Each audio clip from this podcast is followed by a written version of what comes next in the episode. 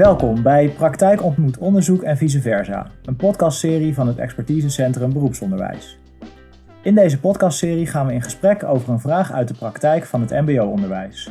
Die vraag bespreken we met docenten en onderzoekers. Vandaag hebben we het over ontwikkelingsgericht begeleiden van studenten. Als studieloopbaanbegeleider help je een klas studenten om zich te ontwikkelen als persoon en als professional.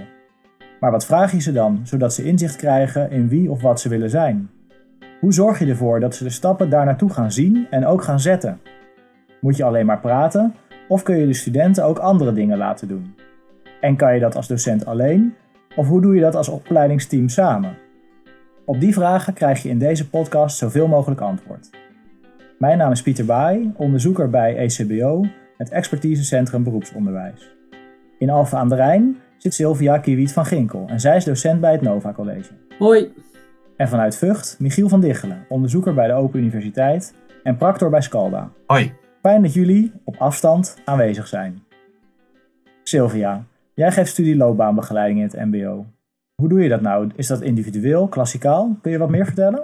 Ja, nou, het is een, uh, een mix. Uh, we hebben uh, maximaal 10 studenten in zo'n groepje zitten. Um, daar werken we aan loopbaancompetenties en dat doen we zowel in de klas als individueel. En we hebben op regelmatige basis intervisie over stage. Dat doen we dus ook met een groep.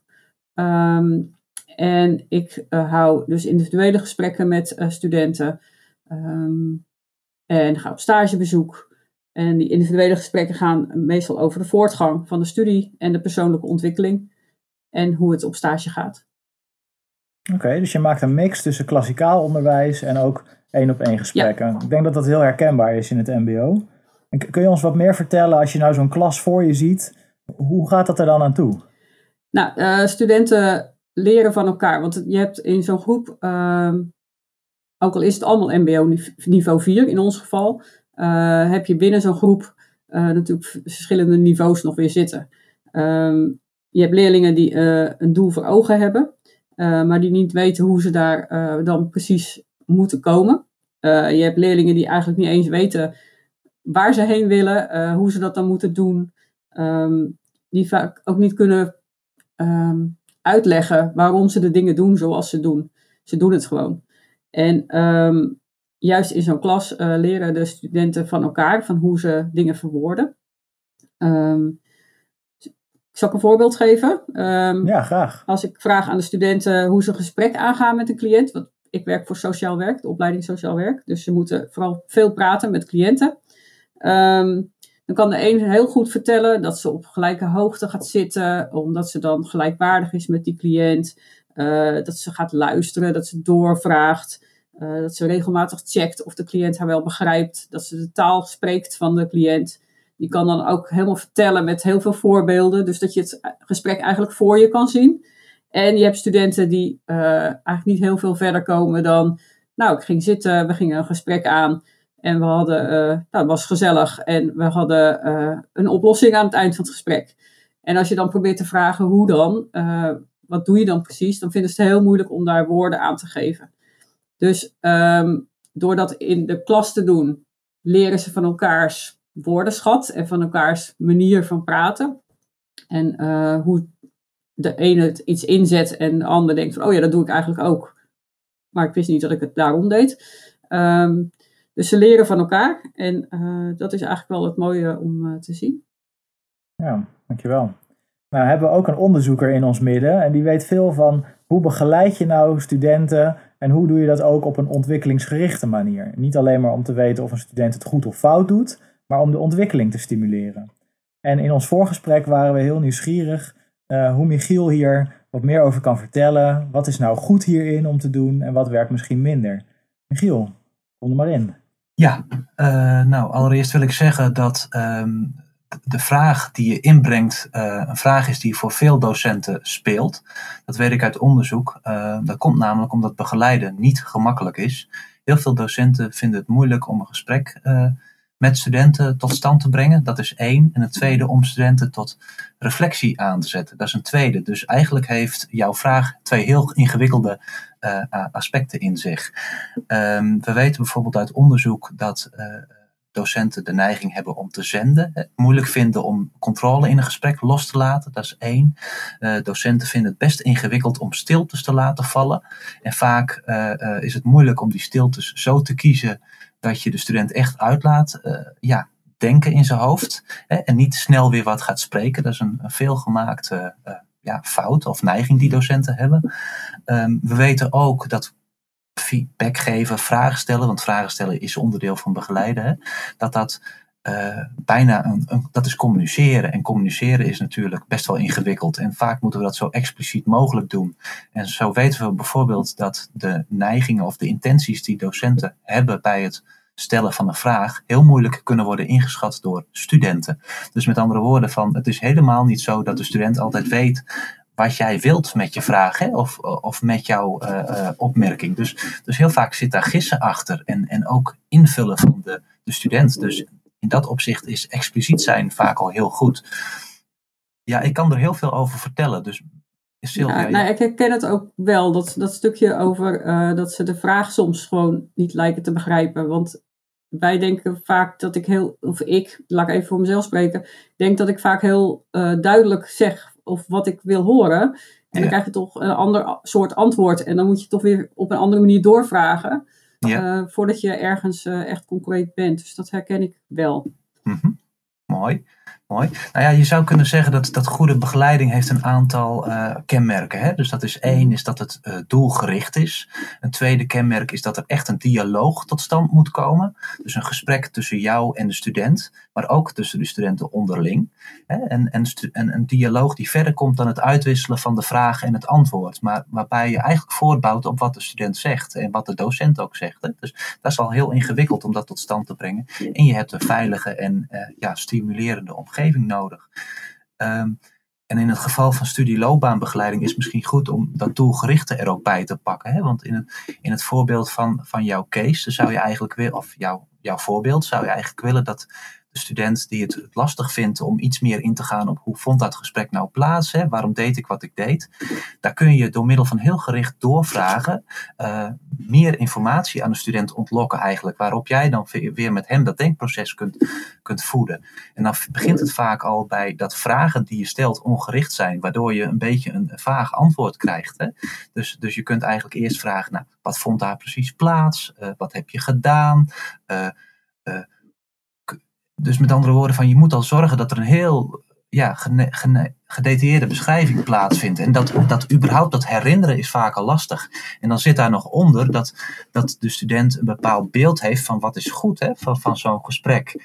En, uh, en dat is natuurlijk de hamvraag of zijn beeld van wat is goed overeenkomt met jouw beeld. En, en dat is de, de, de truc om daar middels vragen en feedback geven, dat, dat te adresseren. En, en van daaruit een stapje naar, te maken van waar sta je, naar, waar wil je naartoe. Ja, want dat is altijd de cyclus van, van uh, gesprekken voeren. Waar sta je, waar wil je naartoe en hoe kom je daar?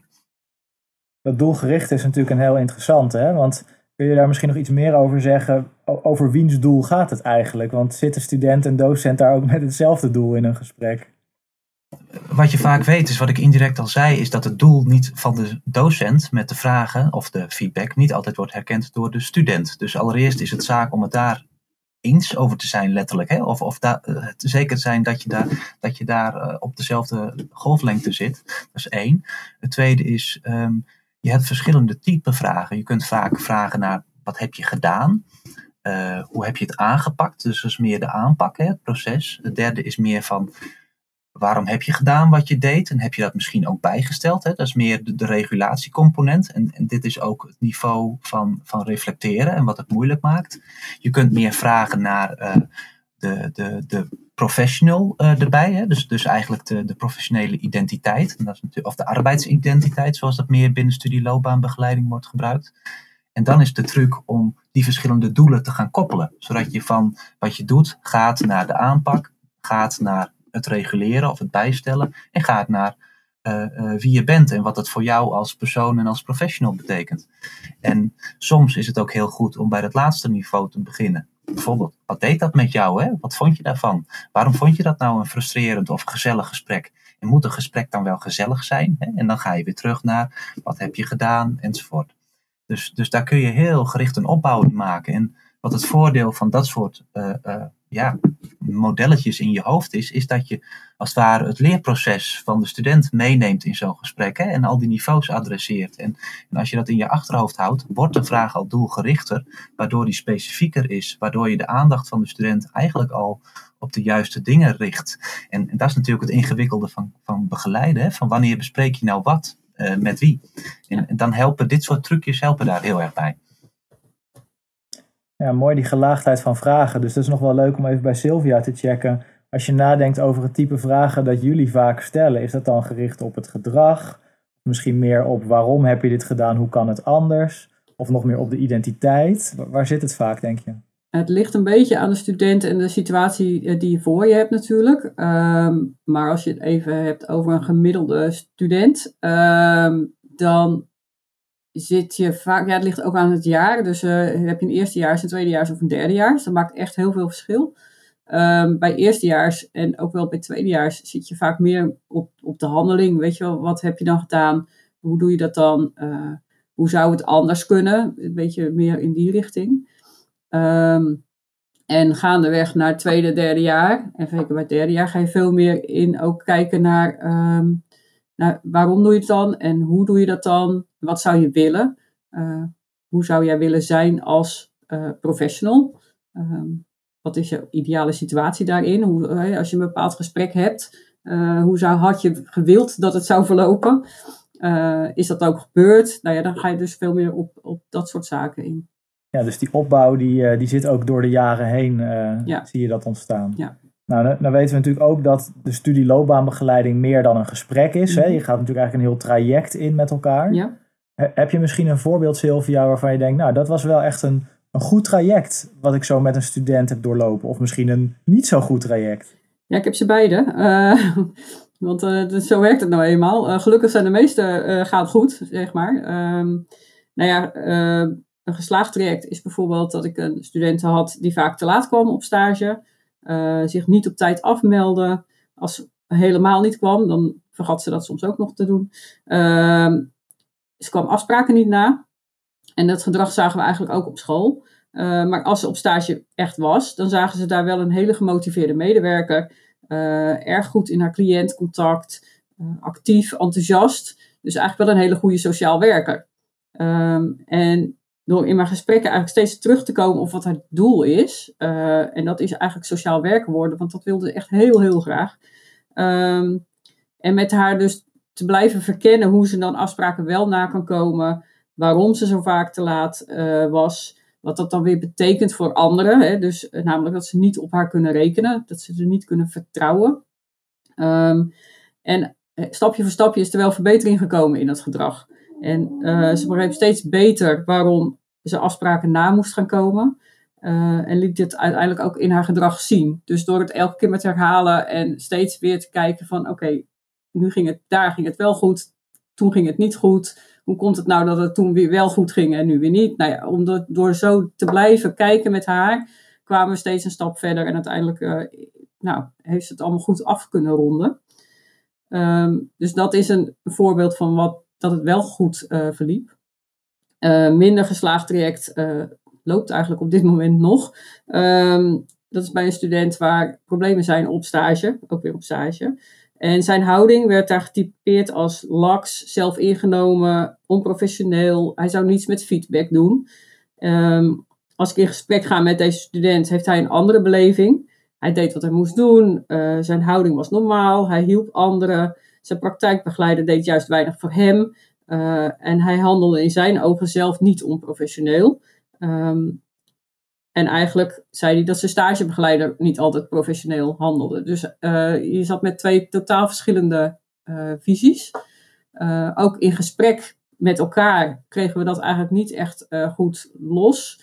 Um, uiteindelijk wordt hij dan of boos of juist heel stil. Dus daar schoten we eigenlijk ook niet heel veel mee op. Um, en het is gewoon heel moeilijk om hem na te laten denken over zijn eigen rol. Uh, hoe het dan zou kunnen komen dat er zo'n verschil in beleving is tussen hem en wat zijn praktijk uh, ziet. Um, en uiteindelijk is die stage beëindigd door de stageorganisatie. Um, en hij is nu net begonnen aan een nieuwe stage, dus ik hoop dat we het nu wel tot het einde kunnen volbrengen en dat het nu beter gaat. Maar daar zit ik nog wel met vragen van ja, hoe ga ik dat nu dan anders doen met hem? Hoe ga ik voorkomen dat we weer in dezelfde valkuil uh, belanden en uh, dat ik ergens met hem kom? En ja, dat is natuurlijk heel lastig, want er kan natuurlijk veel meer spelen dan alleen begeleiding. Het, uh, het lijkt gewoon een, normaal begaafde jongen, uh, waar, gewoon een MBO-student waar niks mis mee is. Um, dus de vraag is, ja, hoe, hoe kan ik bij hem dan meer tot die reflectie komen, denk ik? Tot wat zelfinzicht. Wat onderzoekers zeggen is dat je hebt bepaalde vaardigheden nodig als student om uh, van begeleiding te kunnen profiteren of, of zo. Hè? En mm-hmm. dat, dat is één. En, en die aspecten benoemde je heel mooi bij je goede voorbeeld. Dat is namelijk één, um, uh, je moet het belang ervan onderkennen. En dat deed jij heel mooi bij het goede voorbeeld door, door iedere keer dat doel uh, van die student te benadrukken. Hè? Namelijk dat ze sociaal werker wilden worden. Dus dat is al een eerste wat je heel goed deed bij het goede voorbeeld. En het tweede bij dat goede voorbeeld is wat je deed is herhalen. Hè? Zo, en en belonen. Daar zit eigenlijk ook gewoon een gedragsmatige component aan, zou je kunnen zeggen. Hè? Dus, dus mhm. dat, dat, is heel sterk. Maar wat je ook indirect doet, is uh, je moet als student moet je leren zien wat belangrijk is. En vervolgens ook leren om jezelf nauwkeuriger te kunnen beoordelen. Dus met andere woorden van, en daar heb je heel veel herhaling voor nodig en feedback van anderen. En, en dat deed je dus eigenlijk bij de goede student heel goed door daar voortdurend over in gesprek te gaan. Hè? En die principes die liggen eigenlijk ook uh, uh, onder het antwoord op, op, ja, voor student 2. Um, ehm, het, het, startpunt is, en, en dat was denk ik uh, het verschil aan inzicht. Hè? Van inzicht mhm. over hoe heb ik gefunctioneerd, dat is één. Maar twee, wat wordt er van mij verwacht? Hè? En, en daar, zit een, een, een, daar zit een interpretatieaspect uh, aan. Wat we niet weten is, is of dat wel of niet is uitgesproken. We weet, wat we niet weten is in hoeverre dit op de stageplek ook, ook expliciet besproken is. Althans, dat hoor ik niet. Dus mijn mhm. advies aan jou zou zijn voor de, voor de, voor de komende stage. Ga op, met deze student zitten uh, en ga met hem in gesprek over wat wil je uit de stage halen? Waarom wil je hier stage lopen? Wat is jouw doel? En zorg dat, je dan, dat er dan commitment is uh, ten aanzien van dat doel. En dat je daar voortdurend op terug kunt grijpen. Dat is één. Twee is, ik zou de student adviseren, maar ook de begeleiders op de stageplek zeggen van bespreek wat de verwachtingen zijn van studenten ten aanzien van gedrag en professioneel gedrag. Hè? Dus dat, want dat, dat zit er ook een beetje onder. Ja. Uh, en, en, en zorg dat hij zijn doelen daar ook uh, ten aanzien van formuleert. En, en ga dan iedere keer in gesprek over wat deed de student en hoe komt het over op de ander. Dus met andere woorden, van dat je de student voet in zijn overkomen. En, en daarmee ook de, en dus consequenties van zijn handelen, waarmee hij vervolgens weer zijn beeld over verwachtingen kan bijstellen. En het is de kunst, dit is een beetje een stagetraject plaatje wat ik nu schets, hè, maar het, is, het is de kunst om dit klein te maken. En wat ik vermoed dat eronder zit, en dat is, dat is een heel belangrijke ja, aspect van, van zorgen dat je iets uh, kunt meenemen van, van feedback die je krijgt, is, is dat je het juiste beeld hebt van, van de feedback en de rol de, van de begeleider en van jou. Heel vaak willen studenten gewoon horen wat ze moeten doen en niet al te veel nadenken over de onderliggende betekenis. Maar dit is iets dat je letterlijk moet benoemen. En, en, en dan ook, en dat is natuurlijk de uitdaging en niet zo makkelijk, uh, is hem helpen inzien waarom dat belangrijk is en wat hij of zij eraan kan hebben. En uh, ja, uh, een, een beetje een algemeen antwoord dat ik nog kan geven, maar dat verklaart wel heel veel, is als je niet de vaardigheden hebt om een goede, een goede stage te volbrengen, is het ook heel ingewikkeld om in te schatten wat er nodig is om die stage goed te kunnen doorlopen. Dus daar begint het. Hè? Dus, dus met andere woorden, van hoe meer je weet, hoe makkelijker het ook is in te schatten wat er van je verwacht wordt en, en daarna te handelen. En, en, en dat is eigenlijk het andere antwoord op je vraag. Je moet ook gewoon voeden. En het is niet altijd zo dat je bij begeleiden alleen maar vragen kunt stellen. Soms, soms moet je ook gewoon vertellen, instrueren, zodat je vervolgens daarop kunt bouwen. Uh, hè, dus, dus ik denk dat, dat hier al heel veel antwoorden in zitten. En um, ik heb het dus eigenlijk niet eens aan het woord, over het woord nadenken. Het, het zit er allemaal voor. Uh, in, en, en, en nadenken is, is in principe dat, dat, dat start bij wat je weet in je hoofd, hè? bij de beelden die je hebt, bij de kennis die je hebt en dat activeren. En aan het eind iedere keer checken van oké, hebben we het nu ook bereikt? Dus zorg dat je hier een doorlopende lijn van gesprekken krijgt. Dat is heel belangrijk. Waar hebben we het de vorige keer over gehad? Wat heb je ermee gedaan? Nou ja, op die manier. En dat, ik ben er zeker van dat je dat ook doet hoor, maar, maar het is juist in dit soort gevallen heel kunst om het zo expliciet en doordacht mogelijk en gepland te doen. Ja, maar het moet meer met een plan eigenlijk Juist. voor juist. hem. Een Precies. plan voor hem eigenlijk uitdenken hoe ik het met hem aan ga pakken. En Ja. wat hij daarin nodig lijkt te hebben. In ieder geval. Precies. Ja. En, ehm, en je gaf zo straks aan van dat je met de professionele identiteit vaak in jaar vier te maken eh, krijgt. Hè? Maar, het Ja, ontwikkelen van, maar het ontwikkelen van een professionele identiteit start natuurlijk al eh, veel eerder. Uiteraard En- eigenlijk al in jaar één. Juist. En, en dat is vaak ook je haakje om, om Ja. iets eh, persoonlijk te maken. Hè? Want, want het is juist de kunst om te vinden, de trigger te vinden. Wat, wat boeit die student nou? Hè? Wat motiveert hem of Ja. haar? En dat is er wel. Eh, dus dat is één. En, en dat relateert vaak ook aan een belangrijk principe van, van goed kunnen nadenken. Dat is het contrasteren van, van verschillende contexten. Hè? Dus, dus wat doe jij eh, in je, nou, eh, privématig? Wat vind je nou leuk? Waarom heb je er voor deze opleiding gekozen? Nou, en dan, dan afzetten. Hoe ben je in school? Hoe ben je op de stage? Enzovoort. Dus, en en Ja. dan relateren. Nou ja, dat, dat zijn dingen die heel belangrijk worden voor deze student. Hè? Om hem, hem of haar mee te nemen. Helder. Ja, er zitten heel veel ingrediënten in, denk ik, hè, Mhm. Michiel, om, eh, om, om die gesprekken te gaan voeren. En tegelijkertijd zit er ook iets in je antwoord van, het is dus meer dan alleen de gespreksvoering. Hè, dus er gebeuren kennelijk ook dingen omheen, eh, om te zorgen dat je die wederzijdse verwachtingen kunt managen, zou ik maar zeggen. En om ze ook de vaardigheid te geven om zichzelf te kunnen beoordelen of om zichzelf te kunnen zien. Ja. Heb je nog tips over instrumenten of, of trucjes of dingen die je ook zeg maar buitenom dat gesprek kunt inzetten hiervoor? Ik denk dat, dat goede voorbeelden en slechte voorbeelden van bijvoorbeeld het doorlopen van een stage van anderen al helpt om, om en dat te bespreken om inzicht te krijgen van in wat is goed. Hè? Dus dat is één. Vervolgens heb je instrumentjes die je helpen om een, de student te helpen een beeld te krijgen bij wat is goed. Ofwel, wat wordt er van mij verwacht? Hè? En, en, en begrijp ik dat ook? Dat zijn bijvoorbeeld rubrics. Je kunt eh, eh, met studenten in gesprek gaan over, nou, wat, wat zijn nou eh, eh, belangrijke aspecten hè, aan die stage? Waar word je bijvoorbeeld op beoordeeld en wat wil je leren? Nou, dan kun je rubrics gaan maken. Rubrics hebben als voorbeeld voordeel dat je dezelfde taal gaat spreken als de student. Eh, je spreekt over de inhoud, hè, waardoor je het meer gaat hebben over wat is belangrijk. Het richt de aandacht ook van studenten op de juiste aspecten. En ehm, als, je, als je bijvoorbeeld gradaties in ontwikkeling verwoordt, het helpt de student inzicht te krijgen in wat is een minder goede prestatie en wat is een betere prestatie. Dus met andere woorden, van dat kan al helpen. Ehm, dat is één. Het tweede is een portfolio, hè, waarbij je gewoon ehm, eh, ja, eigenlijk eh, eh, bewijs verzamelt voor wat je hebt gedaan in de loop van de tijd, helpt. En, dan, en we weten bijvoorbeeld uit, uit eh, onderzoek dat portfolio's vaak persoonlijke ontwikkelingsplannen heel instrumenteel worden ingezet. Hè? Dus met andere woorden van wat heb je gedaan, maar dat het, veel, maar dat het nog niet zo vaak goed wordt gebruikt voor en wat heb je nou geleerd en waar wil je naartoe? En wat dan heel vaak handig is, is om eens te kijken van nou, wat deed je nou eh, aan het begin van de periode en wat, wat deed je vier, vijf weken later? later hè? En, en wat is nou het verschil daartussen? Letterlijk dat, dat vragen. Wat is het verschil? Zit er dus ook hier in het woordje verschil. En, en vergelijk dat nu eens. Oké, en, en eh, op welke momenten deed je bijvoorbeeld hetzelfde? Hoe relateert dat? Hè? Een ander woord, want relateren is een beetje ingewikkeld. Maar nou ja, dus er zijn heel veel, veel instrumenten. Ehm, in mijn vorige antwoord eh, zag ik, ei- zei ik, gaf ik eigenlijk aan van zorg dat je commitment hebt. Hè?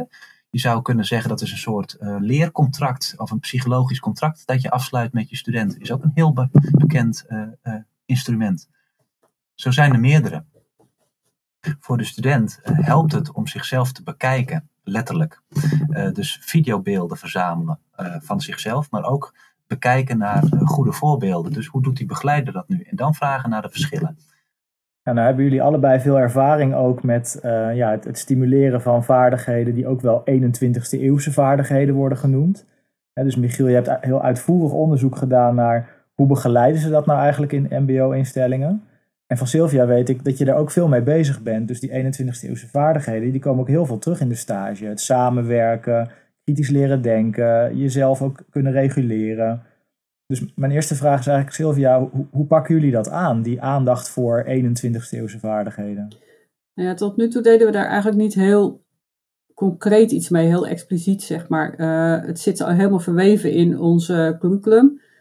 Dus in de soorten vakken die je hebt, communiceren komt nou zeker als sociaal werker natuurlijk heel veel naar, naar boven. Want we hebben hele vakken over communicatievaardigheden en dat soort dingen. Dus alles zit wel verweven in het curriculum, maar we deden het niet heel expliciet iets mee. We benoemden het niet naar de studenten bijvoorbeeld toe. Als van je bent nu bezig met die vaardigheid of je bent nu bezig met die vaardigheid. Natuurlijk wel binnen bepaalde contexten, maar niet heel, heel duidelijk. Uh, en we willen gaan werken met uh, het instrument Kompas 21 uh, van, van de ECBO. En um, dat is speciaal voor MBO-studenten. En daarmee hopen we eigenlijk um, het concreter te kunnen maken. Met concrete situaties te kunnen gaan werken. Wat Michiel eerder ook al zei over dat je de situatie heel duidelijk moet uitwerken eigenlijk met uh, studenten. Dat hopen we met dit instrument wat makkelijker te kunnen doen voor ze. Dus dat we ook inderdaad het over hetzelfde hebben. En dat zij daar ook woorden aan kunnen gaan geven. Ja, ja dus Kompas 21 is inderdaad een, een samenwerking tussen 12 MBO-instellingen en ECBO, waaronder ook het Nova College. Ja. Um, Michiel, jij hebt weer bij vier andere scholen ook onderzoek gedaan naar die 21ste eeuwse vaardigheden. Wat waren daar lessen uit voor jou die hier ook mee te maken hebben? Uh, de lessen die daaruit uh, getrokken kunnen worden, voor mijn gevoel, zij het een beetje voorzichtig, omdat verder onderzoek nog nodig is, is dat we ook eens na zouden moeten gaan denken over de vraag van zijn alle vaardigheden wel algemeen en generiek? Zit daar niet een bepaalde ordening in? Hè? Dus heb je misschien meer vaardigheden die meer algemeen en overkoepelend zijn en misschien vaardigheden die daar wat onder hangen en dus eigenlijk wat meer voorwaardelijk zijn? Wat we vonden is dat uh, de scholen vaak nog aan expliciete coördinatie van vaardigheidsontwikkeling uh, uh, ontbreekt. En dat is eigenlijk wat jij ook al aangeeft, hè. Sylvia. En, wat, en dat betekent dat um, um, niet altijd helder is welke vaardigheden er worden aangeboden. Het is niet altijd helder wat er, wat er van studenten verwacht wordt ten aanzien van het ontwikkelen van vaardigheden. Uh, wat er vervolgens niet gebeurde was de aandacht daarop richten hè, in het gesprek tussen docent en student. Dus dat is één. Uh, waardoor de student zich onvoldoende realiseert van hé, hey, oh ja, dat doe ik ook nog. Hè? Dus waardoor hij een gevoel krijgt van hé, hey, dat heb ik geleerd, terwijl het er wel is. Uh, dus, dus, en wat er dan ook niet gebeurt, is dat je woorden geeft aan dat ontwikkelen, waardoor je daar ook bewust nog stapjes in kunt zetten en maken. En uh, wat we daar gedaan hebben, is bijvoorbeeld met rubrics uh, werken, waardoor en er een meer gemeenschappelijk kader ontstaat, en waardoor er meer transparantie is. Hè? Ofwel, de studenten weten meer van wat er geleerd kan worden en wat er van hen verwacht wordt. meer niveau inzicht ontstaat er in wat minder goede prestatie is en wat een betere prestatie is, waardoor de student ook wat beter weet waar hij heen moet. Nou, allemaal dat soort dingen. Uh, wat Sylvia zojuist zei. Um, wat is goed bij bijvoorbeeld communiceren, is erg afhankelijk van de context waarin je zit.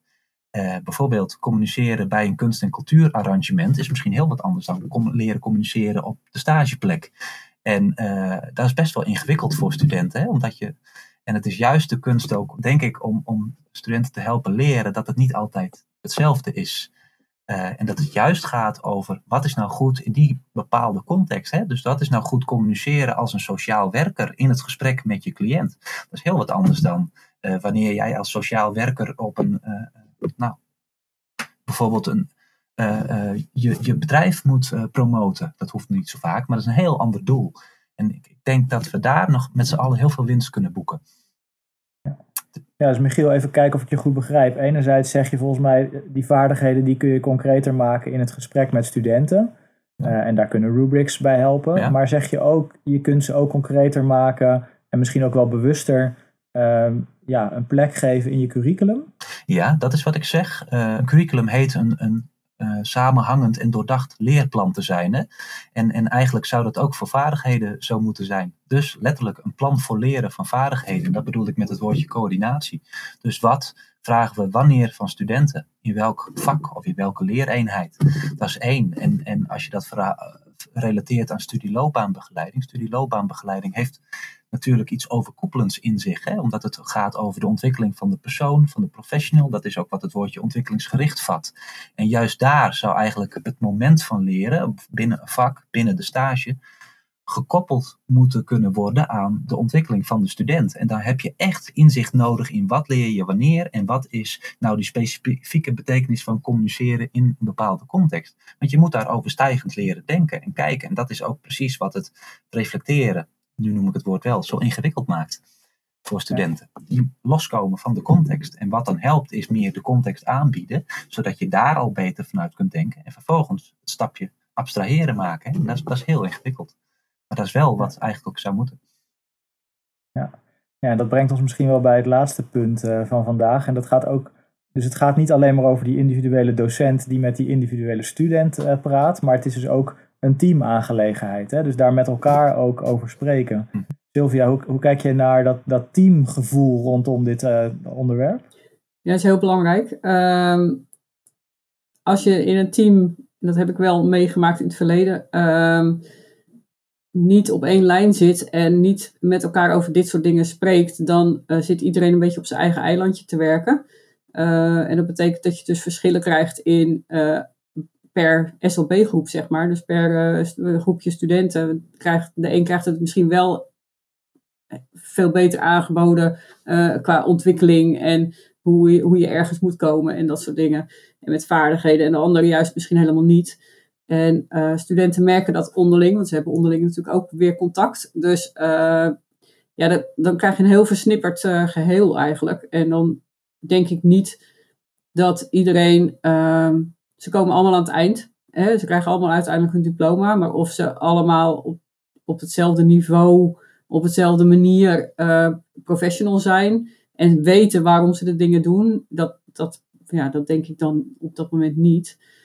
En uh, in ons huidige team werken we veel meer uh, samen en hebben we het hier regelmatig over in, nou ja, in een overleg of met een training. Dus staan de neuzen veel meer dezelfde kant op. En dat merk je eigenlijk ook alweer bij de studenten. Dus je wordt minder uitgespeeld sowieso dan met elkaar. maar ook ja, de basis is, lijkt sterker te zijn op zo'n manier. Ja. Michiel, nou schrijf jij een handreiking over hoe je dat ontwikkelingsgericht begeleiden of het formatief begeleiden kunt aanpakken.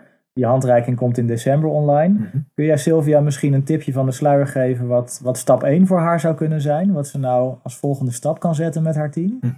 Nou, allereerst denk ik dat, al een, dat er al een hele belangrijke stap is genomen. Doordat je kiest voor expliciet samenwerken. Dat is één. En het tweede, dat je ook ziet wat dat doet, hè, wat dat brengt. Je, noemt, je zegt eigenlijk al de neuzen meer dezelfde kant op. Een, een duidelijkere basis. Dat zijn twee zaken. Je noemt ook een ander aspect in je, in je, je antwoord. En je zegt eigenlijk verschillen uh, tussen uh, docenten in de verschillende klassen. Die leiden tot ja, andere uh, uitkomsten. Hè. Um, dat heeft te maken met in gesprek gaan over wat is nou het doel van studieloopbaanbegeleiding. Wat vinden wij nou goed? Hè? Wat willen wij nou aan het eind van de rit zien? En hoe bereiken we dat? Dat zorgt niet alleen maar dat je de neuzen meer dezelfde kant op krijgt, maar het zorgt ook dat je meer leert uitspreken van wat vinden wij belangrijk en wat vinden wij goed. Waardoor je in je begeleiden veel meer die woorden kunt gaan vinden. En dan kun je het hebben over vier jaar, dan is het nog ingewikkeld en misschien niet direct toe te passen in, in de klas. Wat je dan zou kunnen doen, is, is gewoon eens um, proberen trajecten van studenten in kaart te brengen en dus te beschrijven en, en dat dus te gaan vangen in bijvoorbeeld, ja, ik hou het woord uh, rubriek maar even aan, omdat het een makkelijk voorbeeld is, maar gewoon een, je ideeën formuleren over hoe zien wij studieloopbaanbegeleiding, wat moet het opleveren, waarom doen wij dit, hoe richten we het in, uh, dat dat dan heb je het beoogde perspectief. Vervolgens kun je in gesprek gaan over hoe doen we het, hè? hoe ervaren we het en, en wat vinden we lastiger. Dan kun je die twee zaken tegen elkaar afzetten. Hè? Dus dan, en dan kun je iedere keer je, je eigenlijk je visie of over hoe, hoe willen wij het gaan doen, kun je bijstellen en aanscherpen aan wat je doet. En daarmee heb je ook ja, letterlijk input voor, voor je handelen. En in die aanpak zit dan kennis over bijvoorbeeld, uh, nou, koppelen aan concrete vragen uit de praktijk. Uh, je moet het samen doen. Hè? Dus dat geef je eigenlijk ook al aan. Gewoon omdat je interactie nodig hebt om je mhm. ideeën en, en zwijg, stilzwijgende beelden in je hoofd onder woorden te leren brengen. Maar ook om feedback te krijgen op wat je doet. Net zoals studenten dat nodig hebben. Zoals in, in het voorbeeld dat je aanreikt. Je moet oefenen. Dus het is, niet alleen, het is wel zaak om niet alleen maar in gesprek te gaan, maar om het ook bewust toe te gaan passen. En dat moet je langdurig doen en, herha en herhalen. Als je met z'n allen gedurende één periode in gesprek gaat, dan weet je gewoon dat het over nou, laten we zeggen, twee blokken is het weer de oude praktijk. Het is gewoon onderdeel van je werk. Hè? Dus, dus eigenlijk zou er ook gesprek moeten zijn met teamleiders over hoe faciliteren we dit. Want uiteindelijk heeft dat, rendeert het, ben ik van overtuigd zorg dat je het niet te veel in je, in je eigen tijd doet. Uh, want dat doen we met z'n allen nog wel eens. En tussen de soep en de aardappelen door. Hè? Maar het is mhm. juist de kern van je onderwijs. En juist waar je het voor doet eigenlijk. En dat is, heel, ja, dat is gewoon heel belangrijk. Maar ook heel leuk om over te praten. Dankjewel voor je reflecties, Michiel. Dankjewel, Michiel. Uh, ja, zo hebben we al heel wat dingen horen langskomen. Uh, over het meer doelgericht maken van, van je gesprek. Ook expliciet zijn over je verwachtingen. Ook wederzijds uitspreken.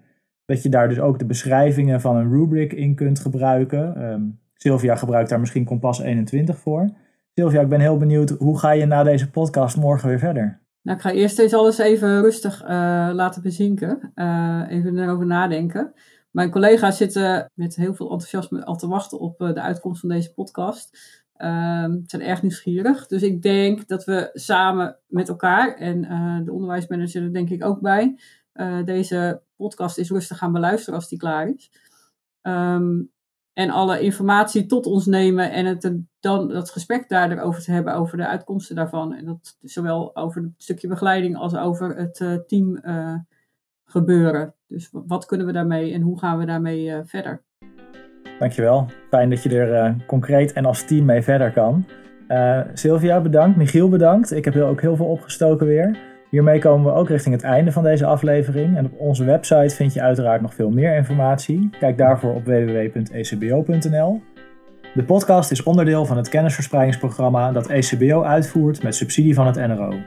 De volgende podcast in de serie Praktijk ontmoet onderzoek en vice versa gaat over de docent in coronatijd. De podcast verschijnt halverwege december in je favoriete podcast-app en op ecbo.nl. Laat het ons weten als je feedback hebt of vragen. Misschien heb jij wel een onderwerp waar je over in gesprek wil, of waarvan jij vindt dat wij in gesprek moeten. Laat het ons dan weten op info.ecbo.nl. Voor nu bedankt voor het luisteren en heel veel plezier met het begeleiden van je studenten.